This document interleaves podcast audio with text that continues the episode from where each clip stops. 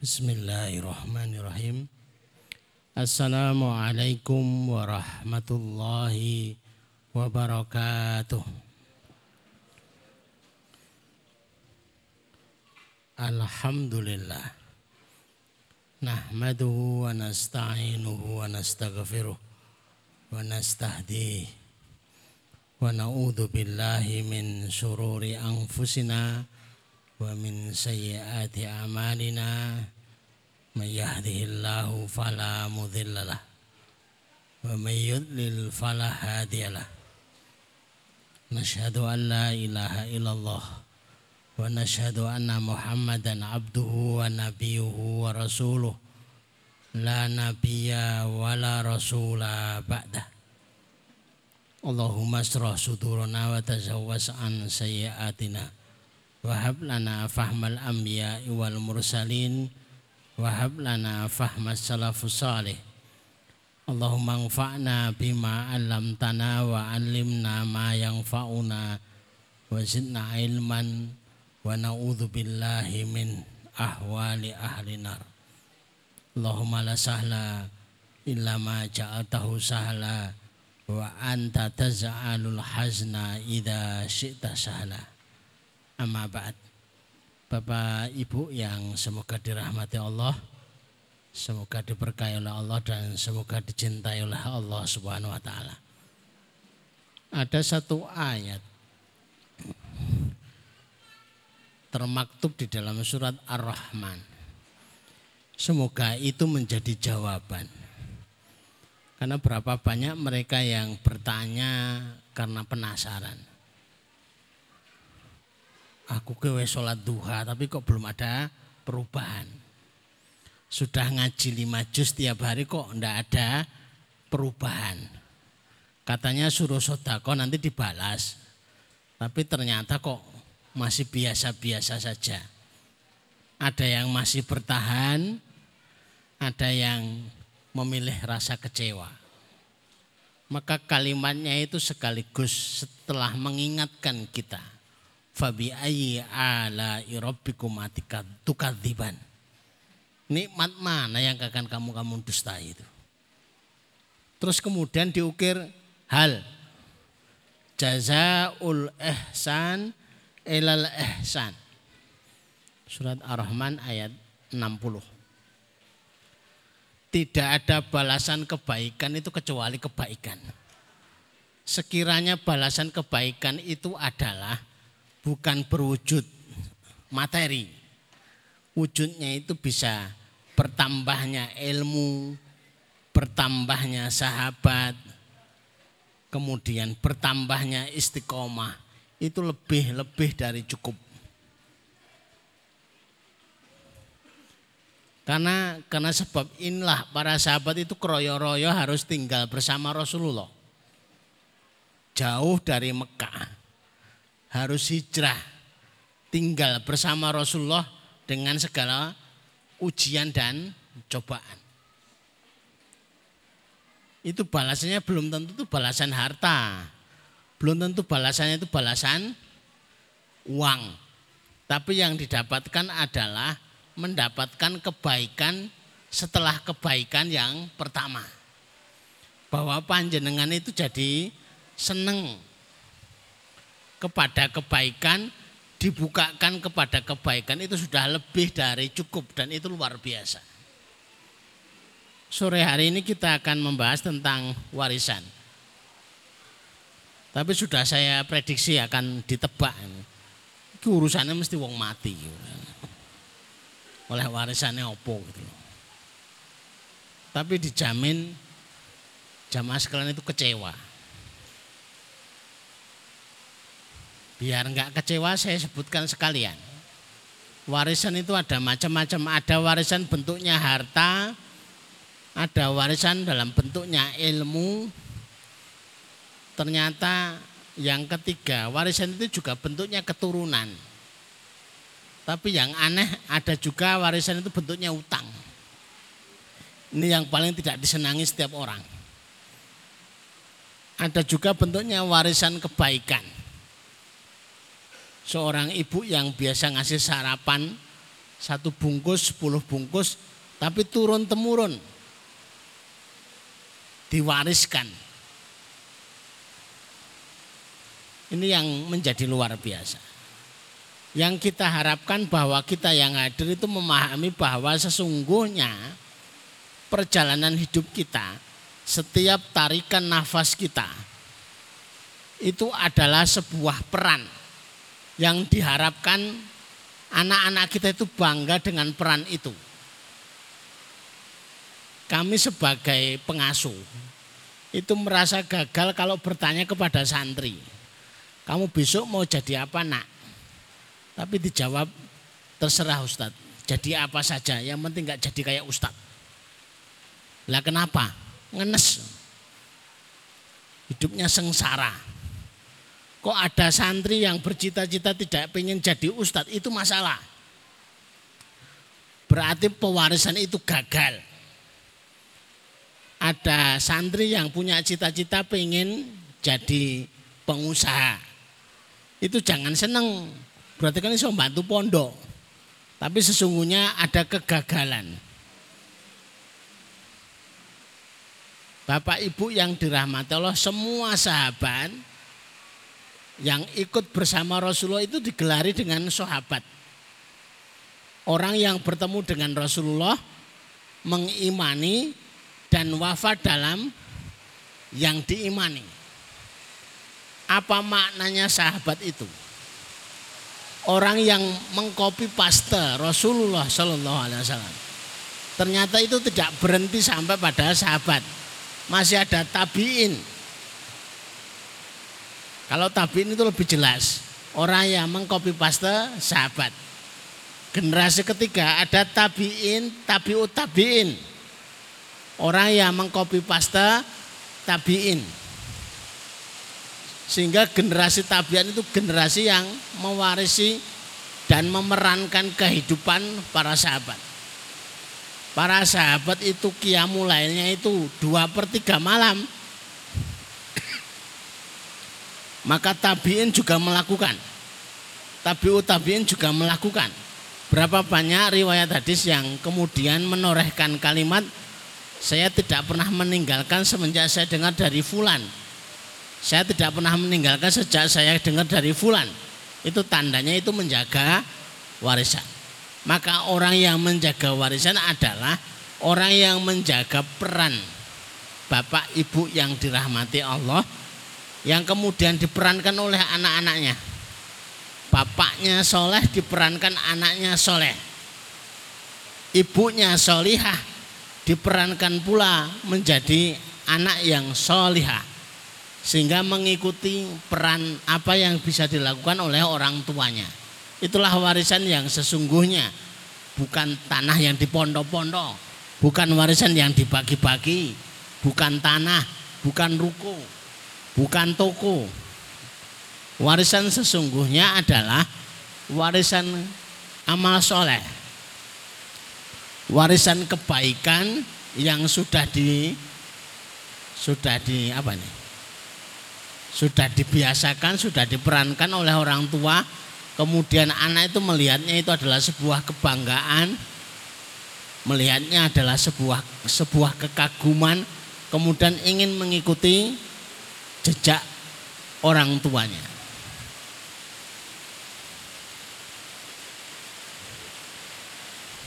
Ini agak basah ini. Mudah-mudahan Bapak Ibu nggak basah biar kami aja yang basah-basah pun satu.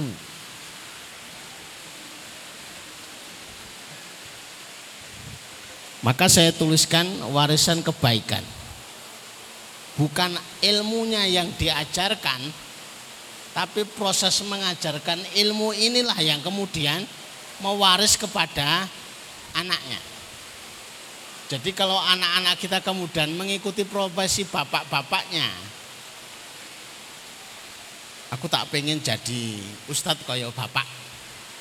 Aku tak pengen jadi dai kayak bapak. Aku tak pengen jadi wong apik kayak ibu. Itu sebuah kesuksesan. Bisa jadi itu adalah bentuknya adalah bersedekah. Seorang yang membiasakan sodakoh pagi kemudian temurun sampai anak, cucu, mantu, cicit. Itu sebuah warisan kesuksesan. Jadi kotaknya itu yang diajarkan.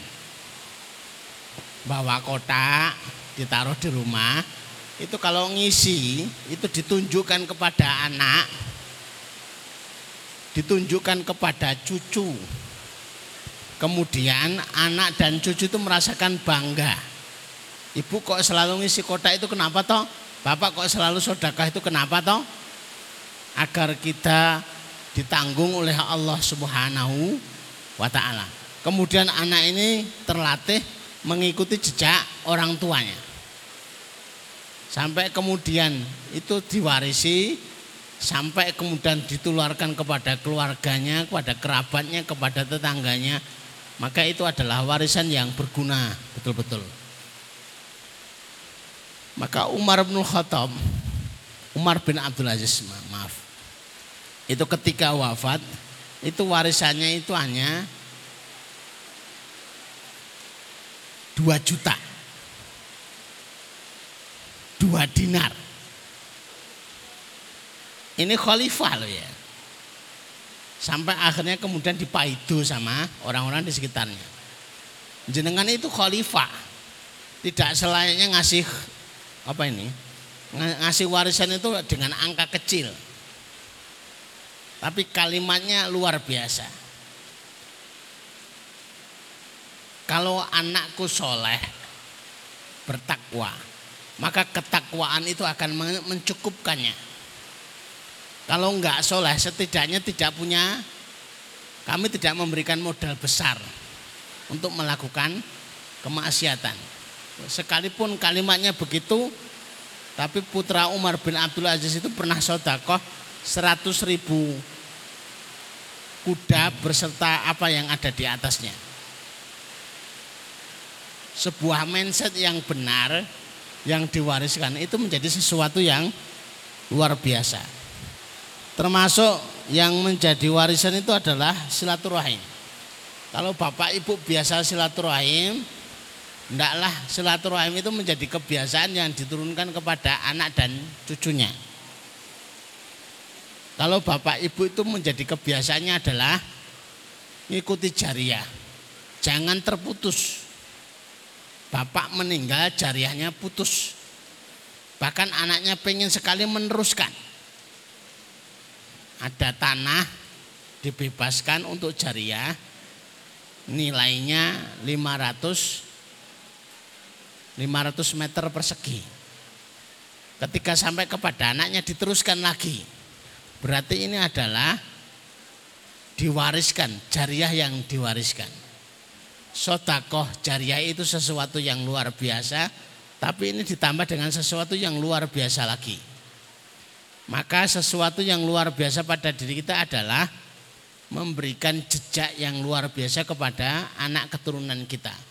Itulah yang kemudian dikeluhkan oleh seorang nabi sekalipun sekalipun sudah nabi, jaminannya luar biasa itu masih mengeluhkan. Masih mengeluhkan. Yaitu Nabiullah Zakaria. Usia 100 tahun tapi tidak punya anak yang dikhawatirkan tidak punya anak itu bukan masalah nggak punya keturunan. Tapi yang dikhawatirkan tidak ada yang memerankan. Yang bakal jadi nabi selanjutnya itu siapa? Yang akan yarithuni. Silakan lihat di dalam tafsir. Yang dimaksud yarithuni. Mewarisinya adalah maksudnya mewariskan sebagai nabi.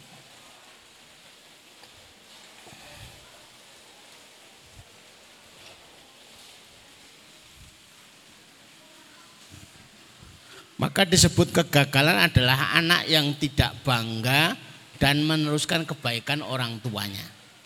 Bapaknya asik tiap Jumat sore dimanding ngaji. Anaknya belas ketika diajak. Nak, jawabannya moh. Aku tak neng alun-alun. Moh. Aku tak kelaris itu bukan sebuah kebanggaan. tapi sebuah kegagalan. Anak yang bangga dengan yang buruk ketika bapak ibu itu kemudian bertanya kepada anak, kamu nanti pengen jadi apa nak? Aku pengen jadi artis. Ketahuilah bapak-bapak, pada saat itu panjenengan gagal. Bukan masalah artisnya, karena peluang jadi artis itu kebaikannya itu lebih sedikit. Apalagi ditanya, kamu pengen jadi apa? Nah, aku pengen jadi pemain sepak bola. Lah apa? Duwe akeh. Ini gagal. Atau kalimatnya saya tidak pengen jadi ustadz. Saya tidak pengen jadi ketua yayasan. Saya tidak pengen jadi kiai. Lah napa? Rekoso. Kerjane rino wengi, bayarannya sithik, bahkan nyaris tidak dibayar. Bagi kami itu adalah sebuah kegagalan. Maka orang tua harus menampakkan sebuah kebahagiaan ketika menghadiri sebuah kebaikan. Jadi kalau ada di tempat pengajian seperti ini ya tidak cukup dengan datang saja. Kalau perlu anaknya itu bahagia dengan dibelikan balon, ya keporo harus mengeluarkan anggaran beli balon. Anaknya senang kalau beli ayam goreng, maka mampir dari pengajian beli ayam goreng. Ini bukan mendukung anak-anak, tapi untuk menjaga warisan. Sehingga kalimat anak itu, aku ki seneng diajak bapak pengajian. Lenopo, mulai kok ayam goreng. Berarti kan alamannya salah. Salah sepertinya. Tapi itu jauh lebih baik daripada anak itu tidak, tidak mau ikut pengajian. Saya mendapatkan riwayat Hasan Hussein. Hasan Husainnya Rasulullah ya, bukan Hasan Hussein saya. Itu mainan kirek di, di kamar Rasulullah. Ini kan perkara banget itu sudah di kamar Rasulullah, dia cucu Rasulullah, dolanannya adalah kire. Ini dolanan cempe kira-kira. Nah, kire. Tapi Rasulullah nggak marah. Bahkan kalau Rasulullah sholat, Husain itu biasa naik di punggung Rasulullah. Itu Rasulullah juga nggak marah. Ora pengen jungkel kenu ya ora. Ditunggu sekalipun resikonya jamaahnya ikut nunggu. Sak rampungnya Rasulullah ada yang numpangi yaitu Husain. Itu sebuah wacana tersendiri bahwa anggaran yang digunakan untuk menjaga warisan tauhid itu jauh lebih berharga. Anak-anak yang bangga bahagia dengan bapak ibunya mengikuti tauhid sekalipun itu harus keluar anggaran itu jauh lebih baik. Tiba-tiba anaknya ngomong, Bu, aku gelem ikut ngaji. Tapi nek bareng ngaji itu kok ke bakso. Anaknya juga ngomong, Pak, aku gelem melu ngaji, tapi aku tidak kok ke sepatu. Ini kok saya ngorot ngono ya? anggarannya saya besar. Itu jauh lebih baik anggaran biaya yang digunakan untuk menjaga warisan. Akhirnya terjaga warisan kita untuk suka mentaati Allah walaupun iming-imingnya adalah sepatu, iming-imingnya adalah bakso.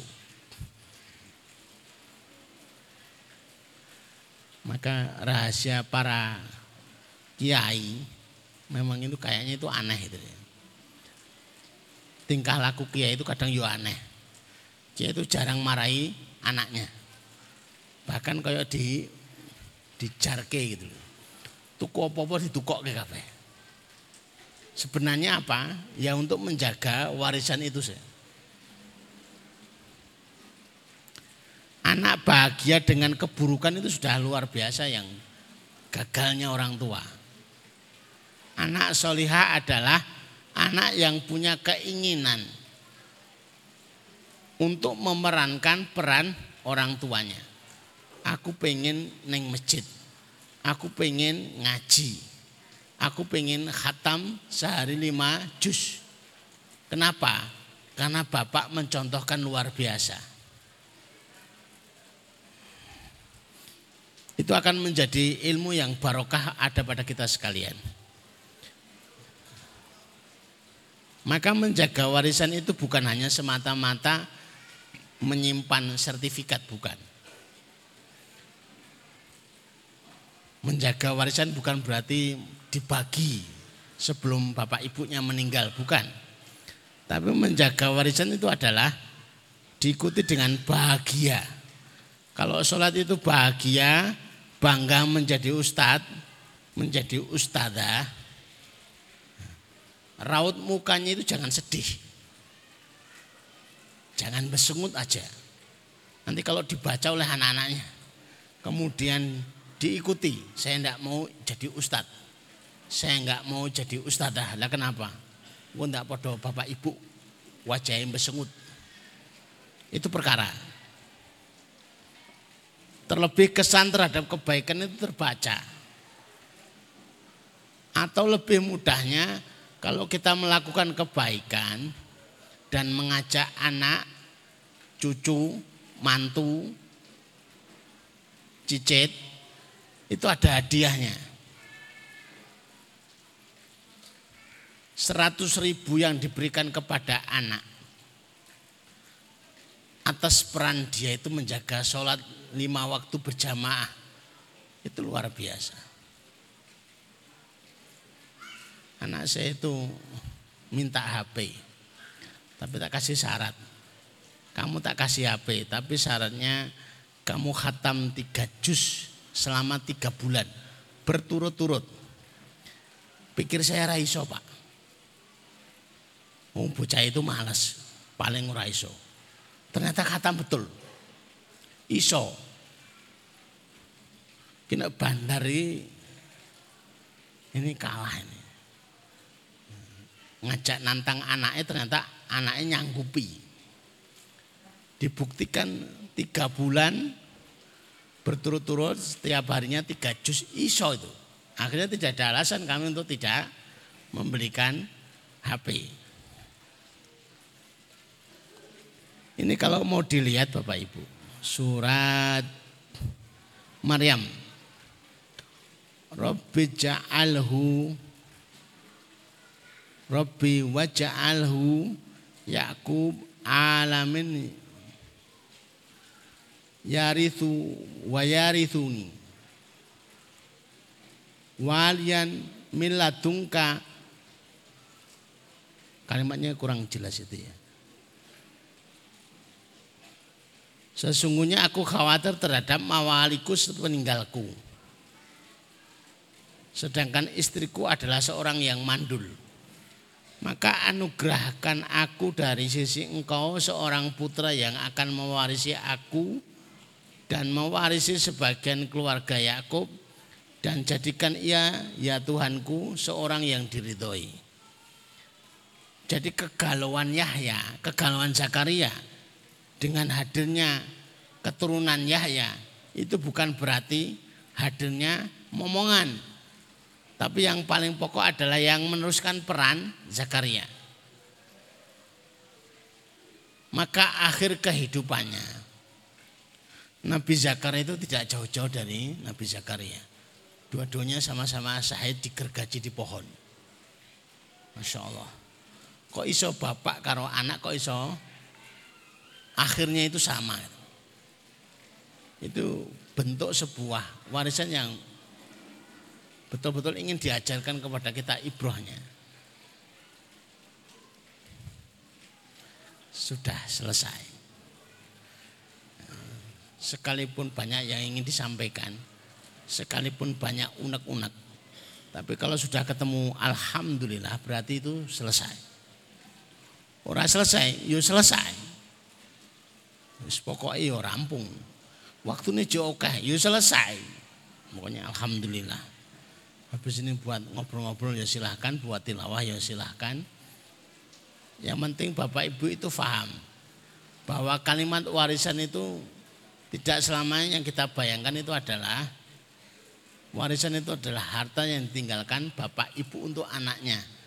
Tapi sesungguhnya warisan itu adalah yang akan melanjutkan peran bapak ibu. Maka tinggalkan warisan kesolihan, kebaikan untuk anak-anaknya. Kewajiban bapak ibu itu adalah meninggalkan jejak yang baik sehingga bisa diikuti oleh anak keturunannya. Diikuti anak keturunannya, kebaikannya, itu hakikatnya diwarisi.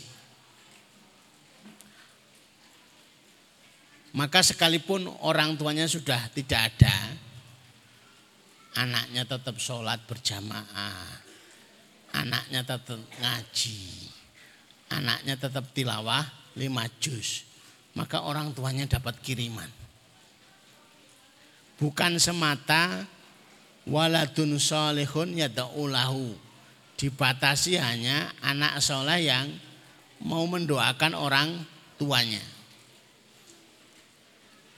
Tapi lebih dari itu memastikan bahwa setiap yang dilakukannya adalah itu didikan orang tuanya. Maka cara inilah yang akan menjaga kebaikan kita. Jangan ngajak anak-anak kita kalau kita tidak terajak. Jangan meyakinkan anak-anak kita kalau bapak ibu itu tidak yakin. Meyakinkan bapak ibu, meyakinkan anak-anaknya tentang sholat duha, tapi bapak ibu tidak sholat duha. Ini masalah. Meyakinkan tentang sodakoh kepada anak, tapi bapak ibu tidak yakin dengan tidak melakukan. Itu masalah.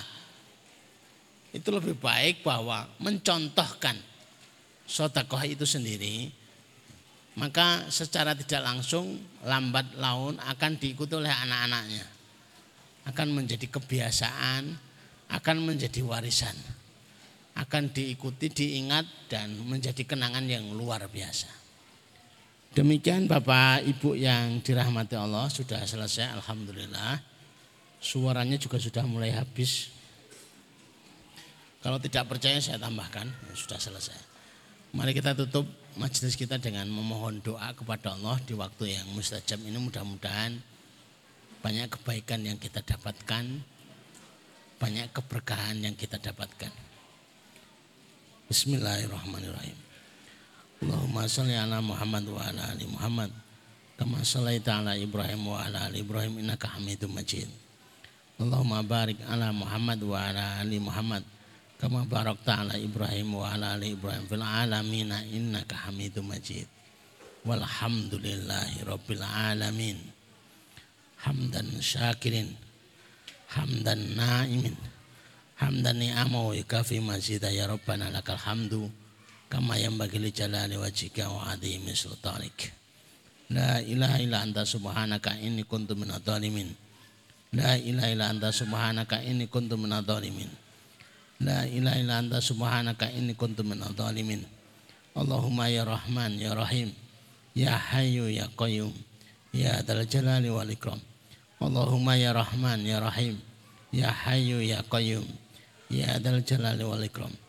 Allahumma ya Rahman ya Rahim ya Hayyu ya Qayyum ya Dzal Jalali wal Ikram. Allahumma inna nas'aluka min khairin ma sa'ala minhu Nabiuka Muhammad sallallahu alaihi wasallam. Wa na'udzubika min syarri ma sta'ada minhu nabiyuka Muhammad sallallahu alaihi wasallam. Antal musta'an alikal balag wala haula wala quwata illa billah. Ya Allah sesungguhnya kami memohon seluruh kebaikan yang pernah diminta oleh Nabi kami sallallahu alaihi wasallam ya Allah sesungguhnya kami meminta perlindungan yang pernah diminta perlindungan itu semuanya oleh Rasulullah sallallahu alaihi wasallam Engkaulah tempat kami meminta. Engkaulah yang menyampaikan urusan. La khawla wa la quwwata illa billah. Allahumma inna nas'aluka amalan baron wariskon daron wa aisyan wa qaran.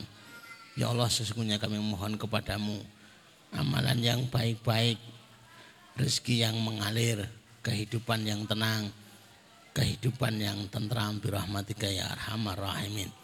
Allahumma tibhammana Allahumma tibhammana Allahumma tibhammana ya Allah angkatlah masalah-masalah kami ya Allah urailah masalah-masalah kami. Ya Allah, selesaikan problematika kami ya arhamar rahimin. Allahumma kfina bihalalika an haramika wa agnina bifadlika aman siwaka ya Allah. Sesungguhnya kami mohon kebaikan kepadamu ya Allah. Allahumma kfina bihalalika an haramika wa agnina bifadlika aman siwaka. Allahumma kfina bihalalika an haramika wa agnina bifadlika aman siwaka. Rabbana atina fid dunya hasanah wa fil akhirati hasanah wa qina adzabannar wa qina adzabannar wa qina adzabannar wa sallallahu ala Muhammadin wa ala alihi wa sahbihi wasallam subhana rabbika rabbil izzati amma yasifun wa salamun alal mursalin walhamdulillahi rabbil alamin Demikian kajian kita sore hari ini. Aku qouli hadza nastaghfirullah li wa lakum. Subhanakallahumma rabbana wa bihamdika asyhadu an la ilaha anta astaghfiruka wa atubu ilaik. Assalamualaikum warahmatullahi wabarakatuh.